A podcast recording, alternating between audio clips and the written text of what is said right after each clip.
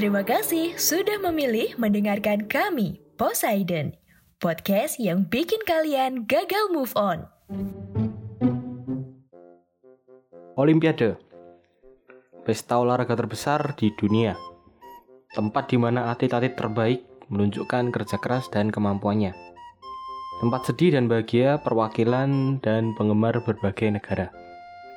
Tempat lahirnya kisah unik yang akan jadi pembahasan kita Sebuah perjuangan kocak yang penuh motivasi si belut dari Afrika Halo dan selamat datang di konten paling random podcast dari Indonesia di luar kelas Tempatnya sedang tidak jelas bersama saya Eka Arkananta. Erik Musambani adalah seorang mas-mas biasa ya dari Equatorial Guinea yang mewakili negaranya buat ikut cabang olahraga renang di Olimpiade Sydney tahun 2000. Equatorial Guinea ini adalah sebuah negara kecil ya di Afrika Tengah yang letaknya tuh di antara negara Kamerun sama Gabon ya. Sesuai namanya yang kalau di bahasa Indonesia adalah Guinea Katulistiwa, kalau kalian nyari di peta, cari aja tuh yang daerahnya di ada di pesisir barat Afrika. Itu tuh yang deket sama garis katulistiwa di tengah gitu. Bentuknya persegi panjang kecil gitu, negaranya kecil banget emang. Negara ini tuh termasuk dalam kategori negara berkembang ya, walaupun masih tahap awal.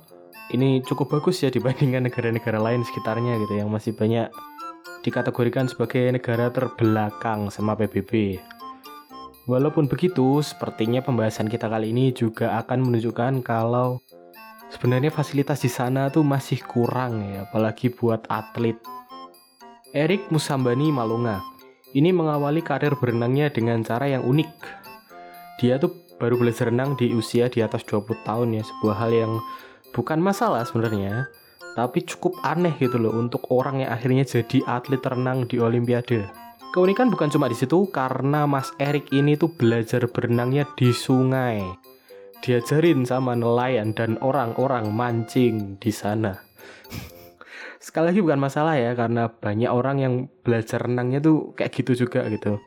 Tapi ini tuh lima bulan ya sebelum dia resmi jadi atlet buat Republik Ekuatorial Guinea. Jadi Mas Erik ini lagi dengerin radio ya saat dia tuh dapat informasi kalau federasi renang negaranya tuh baru kebentuk, baru dibentuk gitu. Dan mereka tuh buka perekrutan buat atlet. Karena kebetulan tempat perekrutannya tuh dekat sama tempat dia tinggal dan semangat belajar berenangnya tuh masih sedang tinggi-tingginya, sedang menggebu-gebu gitu. Akhirnya berangkatlah Mas Erik ke sebuah hotel yang jadi tempat perekrutan ini. Sampai sana dia disuruh langsung nyemplung ke kolam gitu dan setelah beberapa menit langsung dapat kabar kalau dia tuh diminta latihan selama tiga bulan ke depan. Karena dia akan mewakili Equatorial Guinea buat cabang olahraga renang ya gaya bebas 100 meter di Olimpiade. Buat kalian yang bingung kenapa bisa segampang itu masuk Olimpiade, padahal banyak banget kan atlet yang berjuang seumur hidup tuh tapi masih gagal aja gitu buat wakili negaranya. Jawabannya ada dua di sini. Yang pertama adalah Equatorial Guinea itu dapat wildcard itu dapat wildcard dari panitia Olimpiade dalam upaya buat peningkatan partisipasi dari negara-negara berkembang. Atau gampangnya adalah mereka dapat tiket gratis buat langsung partisipasi di Olimpiade. Sekarang adalah jawaban kedua ya. Karena nggak ada yang datang lagi di perekrutan ini. Jadi Mas Erik ini satu-satunya gitu. Makanya langsung otomatis jadi atlet nasional. Apakah Mas Erik bahagia? Enggak sih. Karena sebenarnya dia tuh nggak tahu ya Olimpiade itu apa. Dia tuh sampai harus nyari tahu gitu ke perpustakaan. Oke, seenggaknya walaupun baru belajar dan cuma punya waktu tiga bulan buat persiapan ya. Mas Erik ini sekarang kan dapat fasilitas dan pelatihan kan dari pemerintah. Enggak juga. Karena yang disediain tuh cuma kolam renang hotel tadi yang dia pakai buat tes tadi. Itu yang panjangnya cuma 13 meter. Dan dia cuma dapat akses tuh selama tiga hari seminggu. Itu pun cuma satu jam setiap harinya. Dari jam 5 sampai jam 6 pagi. Subuh subuh ya endingnya dia balik lagi latihan di sungai lah sama orang-orang mancing tadi. Tiga bulan berlalu dan di bulan September dia akhirnya berangkat ke Sydney perjalanan buat sampai ke sana tuh butuh transit beberapa kali ya dari negaranya dan butuh waktu sampai tiga hari gitu di pesawat jet lag parah pasti itu Dan ini saya nggak bercanda, kalian bisa nyari videonya di YouTube ya, di YouTube juga ada videonya. Atlet-atlet dari Equatorial Guinea itu pada bawa kardus gitu di bandara di Lakban gitu sampai Sydney. Apakah ini tuh ciri-ciri khas negara berkembang gitu loh? Kenapa mirip kita gitu loh waktu mudik? Walaupun ya bukan kardus mie instan ya kalau di sini kan biasanya kardus mie instan gitu. Di Lakban coklat gitu. Erik Musambani, seorang mas-mas Afrika biasa yang baru belajar renang 8 bulan di sungai, akhirnya bisa ngelihat kolam renang Olimpiade. Dan bayangkan betapa kagetnya dia ya pertama kali ngelihat ukuran asli kolam renang yang dia akan pakai buat kompetisi itu. Orang biasa latihan di kali tiba-tiba suruh nyemplung kolam renang 50 meter ya. Bolak-balik lagi 100 meter kan. Jadi bolak-balik gitu sialnya lagi ya kasihannya lagi Mas Erik ini tuh dapat jadwal latihan itu tuh bareng sama Amerika Serikat ya negara yang kalau di kategori renang tuh udah pasti borong medali gitu minder banget dong dia sampai dia sendiri tuh bilang di wawancara wawancara yang juga ada ya kalau kalian mau nyari kalau dia tuh cuma bisa ngeliatin peserta lain gitu latihan. Karena dia bener-bener nggak tahu harus ngapain. Jangankan melompat sama meluncur di awal di start gitu. Teknik berenang yang proper aja tuh kan dia nggak tahu. Sampai dia tuh tanya-tanya gitu dia minta tolong sama peserta sama tim-tim negara lain buat ngajarin dia. Kebanyakan ya ngacangin dia ngapain lah bantuin peserta lain gitu. Tugas mereka kan mastiin negara masing-masing buat menang. Di antara orang-orang tadi itu cuma satu orang ya akhirnya tuh mau ngebantuin si Mas Herik ini. Seorang pelatih dari Afrika Selatan.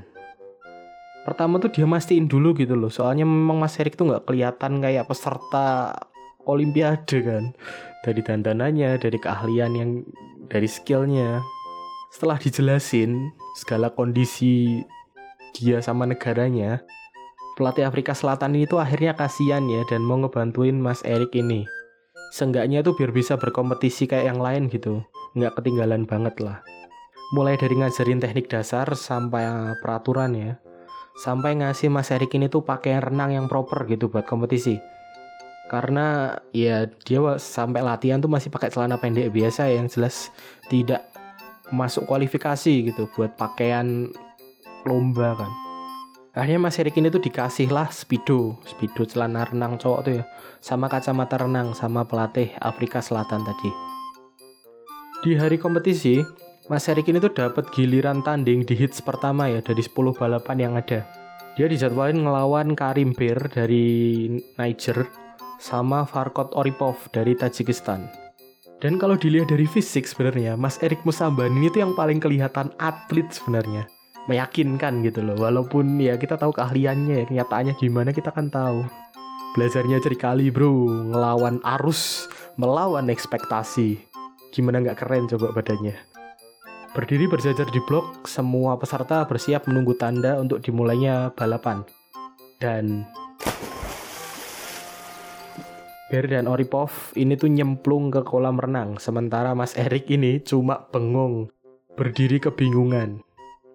Yang terjadi adalah dua atlet ini didiskualifikasi karena mendahului start, menjadikan Mas Erik Musambani harus berenang sendiri di hadapan ribuan orang. Ya walaupun masih kaget dan ketakutan dia jelas dia nervous banget pasti. Dia udah gak punya pilihan lain.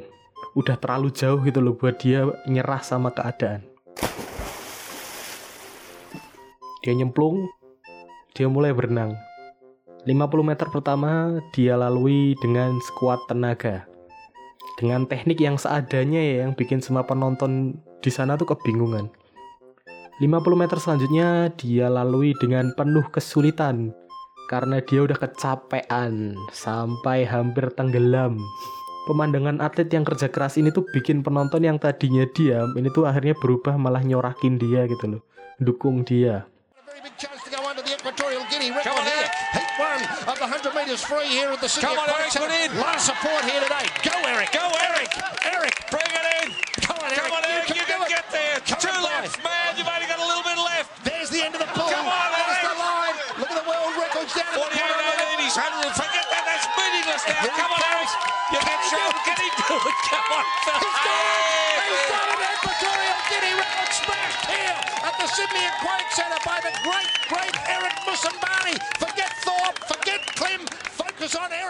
Erik Musambani akhirnya mampu menyelesaikan balapan dengan susah payah dalam waktu 1 menit 52 detik 72. Menjadikannya adalah pemegang rekor perenang terlambat yang menang balapan di Olimpiade.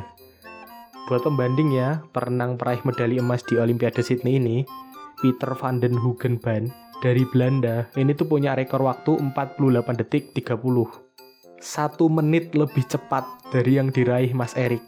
Lebih malahan. Walaupun gagal ke babak selanjutnya, rekornya yang lambat, terus kisah dia yang unik, justru bikin Erik Musambani ini tuh disukai sama orang-orang dan juga media yang kemudian memberikan julukan Erik the Ill atau Mas Erik Belut ya. Seperti penjual sayur kalau di tempat saya. Dia tetap melanjutkan karir berenangnya ya, walaupun dia nggak pernah sampai lagi ke Olimpiade. Dan di tahun 2012, dia akhirnya ditunjuk sebagai pelatih timnas renang Ekuatorial Guinea dengan tujuan untuk memajukan olahraga yang dia sukai serta membagikan kisah inspiratifnya ke generasi selanjutnya. Jujur ya, buat saya dan mungkin beberapa dari kalian, Afrika ini pasti nggak akan kalian asosiasikan sama renang gitu. Karena gambaran media tentang Afrika tuh yang jarang air gitu ya, dan sekalinya ada sungai itu kalau nggak isinya berita kuda nil ngamuk nyerang warga ya dokumenter buaya gitu lagi.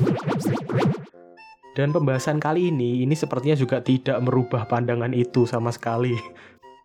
Walaupun di sini nunjukin ya kalau mereka tuh sebenarnya punya minat dan potensi, tapi masih kurang dari segi prasarana dan dukungan. Pelajaran yang bisa kita ambil adalah uh, untuk jadi dikenang itu nggak perlu jadi yang terbaik. Kadang kalian perlu jadi yang paling unik.